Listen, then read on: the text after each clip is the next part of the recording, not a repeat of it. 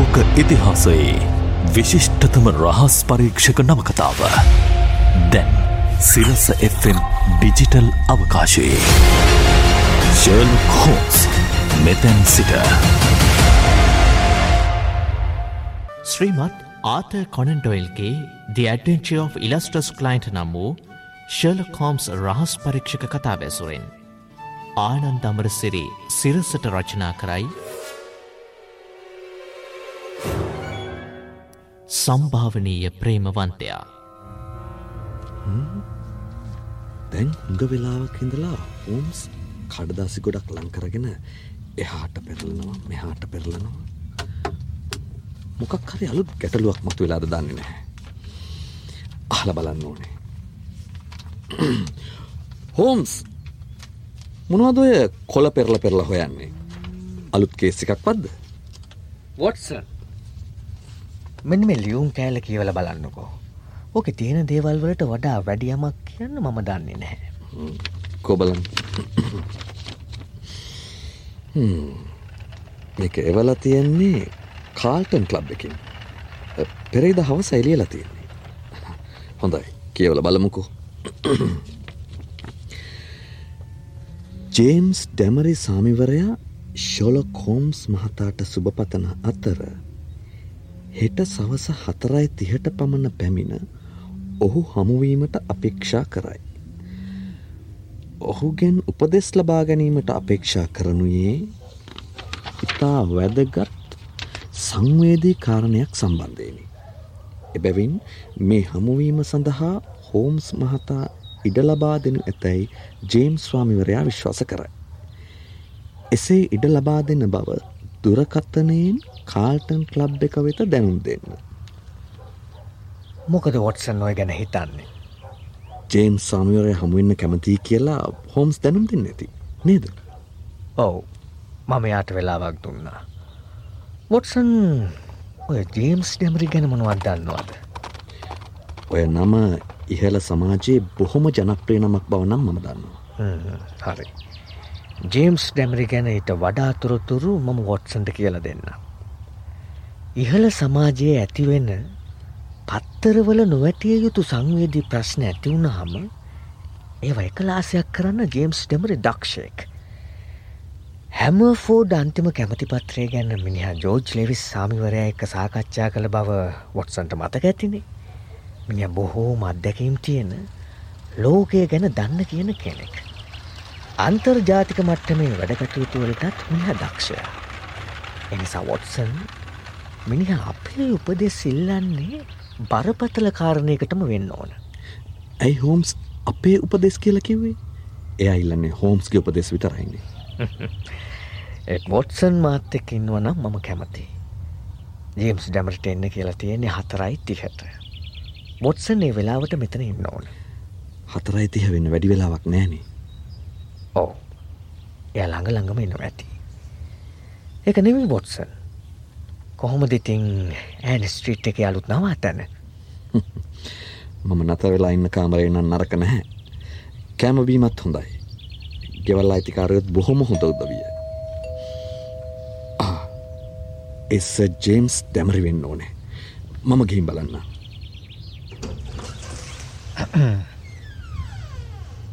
මම ජේම්ස් ඩැමරි මම ආවේ හොම්ස් මහත්‍යව මුණ ගැහෙන්ඩ එන්න.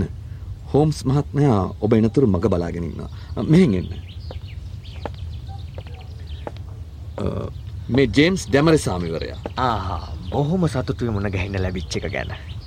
සජේම්ස් පොමිඳ ගන්නකෝ. මේ ඉන්න මගේ මිත්‍රයා ඩොක්ට වොට්සන් මම හිතුවා. අපි මේ කතා කරන්න යන කාරණයේදී ඩොක්ට වොට්සන්ගේ උපකාරයත් අපිට ඕනැවෙයි මොකද අපිට ගණු දෙනු කරන්න වෙලා තියෙන්නේ යුරෝපයේ ඉන්න භයානකම මිනිහෙක් එක්කයි. භයානකම විරුද්ධකාරයෝ කීප දෙනෙක් මටත් ඉන්නවා. එක්කෙනෙක් තමයි ජීවතුන් අතර නැති ප්‍රොෆෙස මෝරයාට්.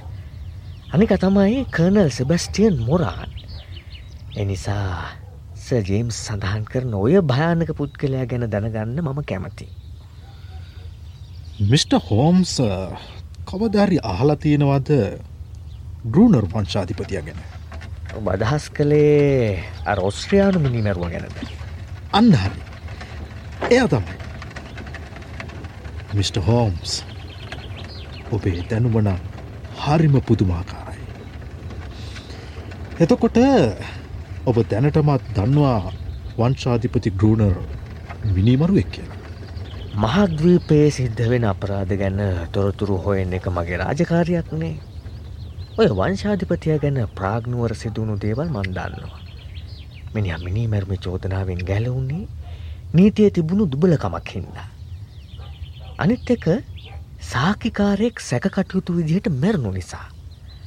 ස්පලූගන් කපොල්ලෙදි සිද්ධ වනා කියන හදිසි අනතුරේදි තමයි මිනිහ තමාගේ භාර්යාව මරා දැමුවේ. මිනිහ එංගලන්තයට ආපු බවත් මම දන්නවා. ඉතිං ඔය වංශාධිපති ගෘණ මෙහි ඇවිත් මොන විදිහ අපරාධයක්ද සිද්ධ කරලා තියෙන්නේ. ඒක මම දැන් කියපු හදිසි අනතුරු ගැන යටපත් වෙච්චි කරුණු ආයෙත් එලියට ඇදීමක්ද. නැහැ. ඒක ඊටත් වඩා බරපතල කාරණයක්. කරපු අපරාධයකට දඩුවම් දෙන එක වැදගත්. අපරාධයක් වලක්වන එක ඊටත් වඩා වැදගත්. ඒ තමන්ගෙම දෑස් සිදිරයේ අපරාධයක් සිද්ධ වෙනවා බලංඉන්න එක හරි අමාරු වැඩක්. නද මිට. හෝම්ස් ඔවු එහෙම තමයි. එහෙමනං මිට. හෝම්ස් මම නියෝජනය කරන ඔබේ සේවාදායකය ගැන ඔබ අනුකම්පා කරනවා. මම දැනගෙන හිටිය නැහැනේ මේ ඔබ අතර මැදියෙක් බව. එතකොට ඔබ කියන ඔය මගේ සේවාදායකය කවුද. ඒ තැනත්ත කෞද කියලා අහන්නේ නැතිනම් මං කැමති මිට. හෝම්ස්. එයාගේ නම මේ කේස් එකට සම්බන්ධ කරගන්න විදියක් නැහැ.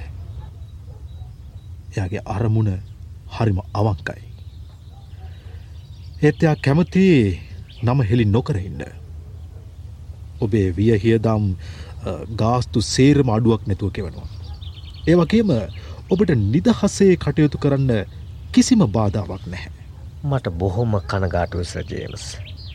මම විසඳන්න භාරගන්න ගැටලුවල එක් කෙලවරක් විතරක් අභිරහස් විදියට තියෙනවනන් තමයි මං කැමති. ගැටලුවේ මුලත් අගත් දෙකම අභිරහස් බවට පත්වෙනුවට මමක් කැමැති. එනිසා මේ වැඩේ භාරගන්න මට බැහැ. ඇයි ඇයි මිට. හෝම්ස් එහෙම කියන්නේ. ඔබේ තීරණය තින බරපතලකම ඔබටම තේරුම් ගන්න බැහැ. මේක විස්තර හෙළිකොළොත් ඔබ බොහෝම කැමැත්තෙන් වැඩේ භාරගන්න. ඒත් මං පොරොන්දුනා මේ නම්ගම් හෙළි කරන්නේ නැහැ කියලා. හැබැයි මම පුළුවන් තරන් දුරට යම් යම් කරුණු මිට. හෝම්ස්ට හෙළි කරන්න. ඔවු සජීම්ස් ඒ කාරණ දැනගන්න මම කැමති. ඔබ ජෙනරාල්ඩි මර්විල් ගැන අහලා තියෙනවද. මොකද මම හලා නැත්තේ. ඔය කියන්නේ කයිබදුර්ගේද සිදුවුණු සටන නිසා ප්‍රසිද්ධ වුණු ජෙනරල්වරය ගැන නේද. ඔවු එයා තමයි. එයාට දුවෙක්කින්නවා. නම වයිලෙඩ්ඩි මර්විල් තරුණයි.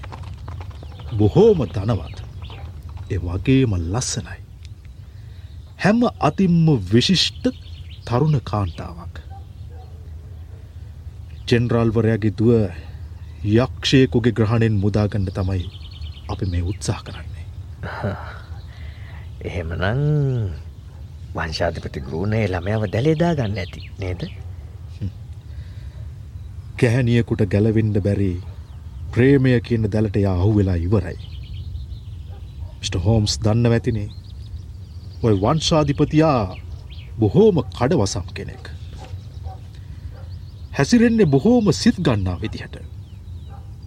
කතාබහ තැම්පත්. ගැහැනු අගේ කරන අත්භූත ප්‍රේමවන්තයාගේ හැඩරුව මිනිහට තියෙනවා. මිනිහා ගෑනු මහ ගොඩක් අමාරුවේදාපු කෙනෙක්. කාමුකෙක්. එතකොට මිස් වයිලට්ගේ සමාජ තත්ත්වයේ කෙනෙක් ඔය වගේ සල්ලාලයක් ගැනන්රු ගත්තේ කොහොමද. එක සිද්ධ වනේ මෙන්න මෙහෙමයි. එක්තරා පිරිසක් මධ්‍යධරණී මුහුදේ බෝට්ටු සංචාරයක් සංවිධානය කළා. සහභාගි වුණ අය තමන්ගේ වියහියදම් බලාගත්තා. මේ වංශාධිපතියත් ඔය සවාරිය කියා. ඒත් මිනිහගේ හැබෑ අරමුණ තේරුම් ගන්නකොට වැඩේ තුරදිග ගිහින් ඉවරයි. මේ දුෂ්ටයා වයිලට්ව දැලේදා ගත්තා. මේ ගෑනු ළමයට ඒ මිනිහ හැර මේ ලෝක වෙන කිසිම කෙනෙක් පෙනුනේ නෑ. ඒ දුෂ්ටයාට විරුද්ධව කියන එක වචනයක්වත් වයිලට් විශ්වාස කළේ නෑ. කොටිම්ම කිව්වොත් වයිලට් මේ වංශාධිපතිය එක්ක විවාහවෙන්න තීරණය කළා. ලබන මාසේ විවාහය සිද්ධ වෙනවා. වයිලට බාලවයස්කාරයක් නෙවෙයි. යාගේ හිත තදයි. එයාගේ තීරණය වෙනස් කරන එක හරිම අමාරු වැඩක්. ඔස්ට්‍රියාවදී වංශාධිපතියක් කරපු කියාපු දේවල් මිස් වයිලට් දන්නේ නැත්ත. ඒ දුෂ්ටයා තමන් කරපු නින්දා සහගත දේවල් ගැන ඒ වගේම ගත කරපු ජරා ජීවිතය ගැන සේරම විස්තර මිස් වයිලට්ට කියල තියෙනවා. එත් එ කියලා තියෙන්නේ තමන් අහිංසකයා බව ඒ කෙල්ලට ඒත්තු යන විදිහට. එයත් මේ දුෂ්ටයාගේ බේගල්වලට රැවටිලා. එයා දැන් වෙන කවුරුවත් කියන දේවල් වලට කන් දෙන්නේ නැහැ. සජේම්ස් ඔබ දන්නෙම නැතුව මගේ ගනුදනුකාරයාගේ නම හෙළි කලානේ ඔහු ජෙනරල්ඩි මර්විල් නේද එහෙමයි කියලා මට මිස්ට හෝම්ස් මුලා වෙදාන්න පුළුවන්. ජෙනරල්ඩි මර්විල් දැන්ගින්නේ හරිම අසරණ තත්වයක. එයාට කරන්න පුළුවන් දෙයක් නෑ මේ ගැන. අනික ඩරූනර් වගේ දක්ෂ කපටි දුෂ්ට නැහැදිච්ච මිනිියෙක් එක්කල හැප්පෙන්න ජෙනරාල්ට බැහැ. එයාගේ හිත අවුල් වෙලා. ඔබට මේ කටයුත්ත භාරදින පුද්ගලයා ජනරාල්ගේ හිතවතෙක්.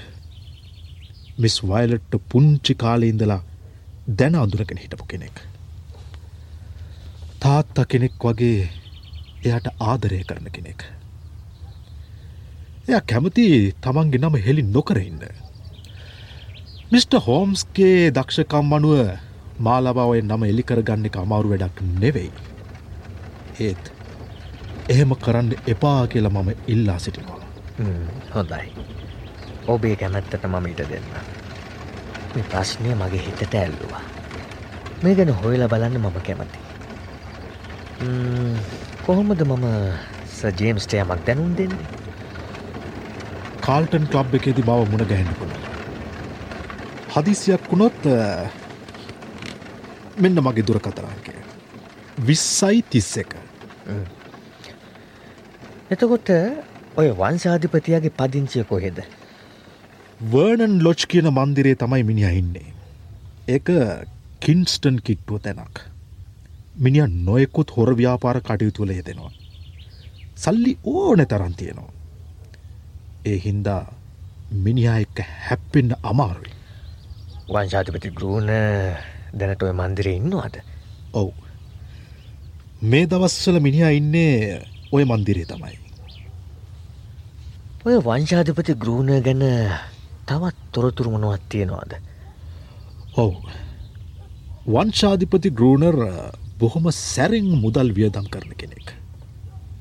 මිනි ආස කරන දේවල්වලට සල්ලි නාස්ති කරනවා. මිනිහා අශ්වයෙන්ට ආසයි. පෝලෝ ක්‍රඩාවටත් කැමති. ප්‍රාග්වලදි සිද්ධ වුණ දේ නොවෙන්න මිනිහ ලන්ඩන් වලට එන්නෙන් නැහැ. පොත්පත් පින්තූර එකතු කරන එකත් මිනිහග විනෝදාංශයක්. චීන මැටි භාජන ගැන මිනිහට හොඳ දැනුමක් තියෙනවා. කලාව පැත්තෙන් මිනිහගේ දැනුම ඉහලයි. මිනිහා මැටි බඳුන් කලාව ගැන පොතකුත් ලියල තියෙනවා. බොහෝම සංකීර්ණ මනසක් ඇති කෙනෙක් වගේ පේන්නේ. හුඟා අපරාධකාරයෝ එහෙම තමයි. මන් දන්න කියන පැරණි අපරාධකාරයන්ගෙන් චාලි පිස් හොඳ වයිලිං වාදකයෙක්. එතකොට වේන් රයිට් හොඳ චිත්‍රකාරයෙක්. එහෙමනන්ස ජේම්ස් ඔබ ඔය නම නොකයන මිත්‍රයට කියන්න මම මේ වැඩි භාරගත්ත කියලා. වංශාධිපති ග්‍රූණ ගැන තොරතුරු දැනගන්න තවත් මාර්ග තියෙනවා. ඒ නිසා ගැටලුවට පිළියමක් ලැබෙන්න පුළුවන්. හේමනං මම යන්නම් මිට. හෝම්ස් ඔබට බොහෝ මිස්තූතියි. ඉතින් වොටසන් ඔබ හුඟ වෙලාවක් මේ කතා බහ ආගෙන හිටියනේ මොකද හිතන්නේ මම හිතන්නේ හෝම්සේ ගැනුලමයව මුණ ගැහෙනවනම් හොඳයි කියලයි. ඒ ගෑනුල්ලාමයාගේ වයසක අපච්චිටවත් බැරිවුණා නං එයාගේ හිත වෙනස් කරන්න මං කොහොම දේ වැඩේ කරන්නේ. කරන්නම දෙයක් නැතුව ගියොත් අපි මිස් වයිලතු මුණ ගැහෙන්න බලමු. ඒ ඔක්කෝටම කලින් ශින්වල් ජොන්සන්ව මුණ ගැහෙන්න ඕන. අපට මිනිහගේ උදව් ඕනැවෙයි. මම දන්න ඔයා ගැන.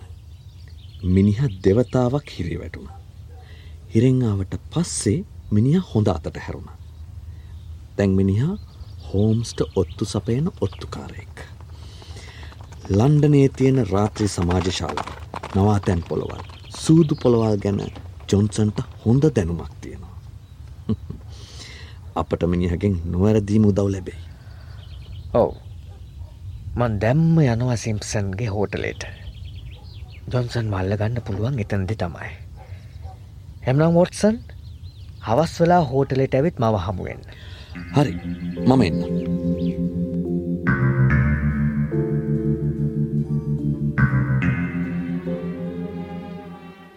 වොටසන් අපි මිත්‍රය ජොන්සන්ට පොටක් පාදගන්න බැරිවෙන්නේ නෑ. පාතාල ලෝකයේ කුණුගොඩවල් අවුත්සලා මිනිහට හොඳට පුරුදුයි. වංශාධිපතියගේ රහස් හොයාගන්න වෙන්නෙත් ඒ කුණු ගොඩුවල් වලින් තමයි. මිස් වයලට් කිසිම දේකට කන්දෙන්නෙත් නැත්නම්. දැනට ගෘණ ගැන තියෙන සැකකටයුතු ආරංචි විශ්වාස කරන්නෙත් නැත්නම් අල්තුන් ආරංචි හොයල පලක් වේද. කවුද දන්න වොටසන් ගෑනුන්ගේ හිත් ගැන කියන්න කාටවත් බැහැ. පිරිමියෙකුට ගෑනයගේ හිත ප්‍රහෙලිකාවක් විතරයි. මිනී මරුමකට සමාව දෙන හිත සුළු ඇරද්දක් නිසා වෙනස් වෙන්න පුළුවන්. වංශාතිපති ගෘණ මටකයාපු දිහ මොනවා හෝම්ස් ගෘණමුණ ගැහෙන ගියාද. මගේ සැලසුම් ගැන මම මොත්සන්ට හරියට පැහැදිලි කරලකි වෙන්න හැනේ. ඔය කියන වංශාධිපතිය මුණ ගැහෙල්ලා මිනිහගේ කැරැත්තුව මිනිහටම විස්තර කරලා දෙන්න මට ඕ නැවුණ.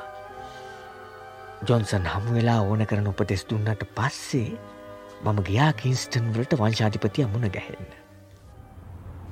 කොහමද මිට. හෝම්ස් ඉක්මනින්ම ඔබ මුණ ගැහැ කියලා මම හිතුව. ඔබ මගේ මන්දිරයට ආපු කාරණෙත් මම දන්න. ජනරාල් ඩි මර්විල් තමයි ඔබව එව්වේ. මගේ යාගේ දුව වයලට අතරයි ඇතිවෙන්න යන විවාහය නතර කරන්න තමයි ඔබව එව්වේ. එම නේද. මම ඔබේ අදහසට එකඟ වෙනවා. මම ඔබට එක දෙයක් කියන්නම් මිට. හෝම්ස්. මේ වැඩේට අත දැම්මොත් වෙන්නේ ඔබේ කීර්තිනාමේ නැතිවෙනක විතරයි. මේක ඔබට විසඳන්න පුළුවන් ප්‍රශ්නයක් නෙවෙයි. වහම මේ වැඩේ අතහරින්ඩ කියලා මම ඔබට බොහොම තදින් කියා සිටිනවා. ඒක තමා මට දෙන්න පුළුවන් උපදේශය. පුදුමයින වංශාධිපතිතුමා මම ඔබට දෙන්න හිතාගෙනාව තොය උපදේශයම තමයි. ඔබ ඥානවන්තකමට මම ගාරු කරනවා. මම දැකපු ඔබේ ගතිකුණ නිසා එක අඩු වෙන්නේ නැහැ. අපි දෙන්න පුද්ගලිකව මේ ගැන කතා කරමු. ඔබේ අතීතය හාරවුස්සලා මේ අවස්ථාව ඔබ අපහසුවට පත් කරන්න මගේ අදහසක් නැහැ. අතීතය ඉවරයි. ඒත් දැන් ඔබ මේ කරගන්න යන විවාහය නිසා ඔබට අලුත් සතුරන් පිරිසක් ඇතිවෙනවා සිකුරුයි. ඒ අය ඔබට එංගලන්තේ ඉන්න බැරිවෙන තැනට වැඩ කරයි. මේකේ තරම්ම අවධානමක් ගන්න තරම් වටින කසාදයක් නිවයි. ඔබ මොලේ පාවිච්චි කරලා ඔය තරුණයවත් තැරල දමන්න. ඔබේ අතීත ජීවිතයේ තොරතුරු මේ තරුණයට දැනගන්න ලැබෙන එක එච්චර හොඳ නැහැවන් ශාධිපතිතුමනි. සමාවෙන්න. ඔබ කියන දේවත් ඇවුනම මට හිනා යන්න. අත්තේ හොඳ තුරුම්පු නැතුව ඔබ කාඩ් සෙල්ලං කරන්න හදනවා දැක්කම මට ඉබේම හින යන. ඔබේ අතේ වටිනා තුරුම්පුන් නෑ. තියෙන්නේ දෙකේ කොළ විතරයි. ඔබ හිතන්නේ හෙමද. ඔවු එම තමයි. මම ඔබට මේක පැහැදිලි කරලා දෙන්නම්.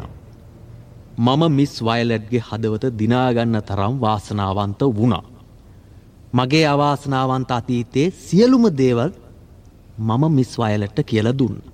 තක්කඩි මිනිස්සු ඇවිත් එයට මාගෙන නොයෙක් දූෂමාන ආරංචි කියයි කියල මම එයට කිව්වා. හොඳ පෞරුෂයක් තියෙන කෙනෙකුට තවත් කෙනෙක්ව වශී කරගන්න පුළුවන්. එනිසා මිස්ට හෝම් ඔබට පුළුවනි ඇව හමුවෙලා මං ගැන කියන්න තියෙන දේවල් ඇට කියන්න. ඇය ඔබ මුණ ගැහෙන්ඩ කැමති වේවි.